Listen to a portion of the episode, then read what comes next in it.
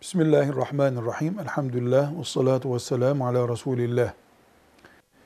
Namaz kıldıran imam, Müslümanlar arasında hak, hakikat üzere kabul edilen mezheplerden biri olduğu sürece, arkasında kılınan namaz, namazı boşa çıkarmaz.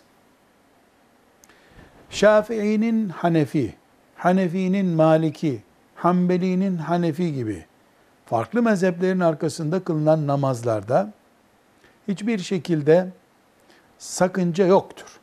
Eftal olan müminin kendi mezhebinden birisi varken onun arkasında namaz kılmasıdır. Ama cami imamı Şafii'dir diye, Hanbeli'dir diye evde namaz kılmak doğru değildir.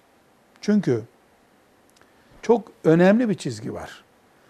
Bu mezhepler haktır diye fıkıh mezhepleri birbirlerini tasdik ederken arkasında namazım olmadı düşüncesi bir önceki sözü yalan söylenmiş, politik olarak söylenmiş söz haline getirir. Bu ne biçim haktır ki hak olduğu halde arkasında namazın batıl oluyor. Böyle olmaz. Bu bir abartmadır, yanlışlıktır. Ancak bunu iyi bir Hanefi'nin, iyi bir Şafii, iyi bir Maliki, iyi bir Hanbeli'nin arkasında kıldığı namaz için söylüyoruz.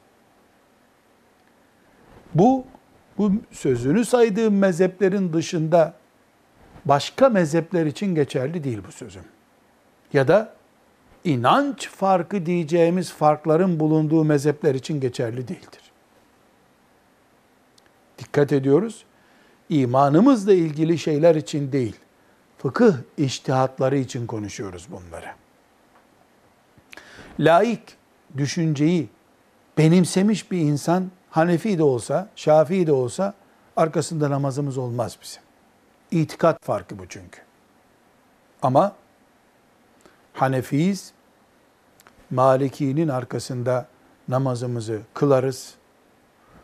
Bize Malikilik de haktır diyene vebal yıkarız eğer vebal söz konusu varsa. Velhamdülillah.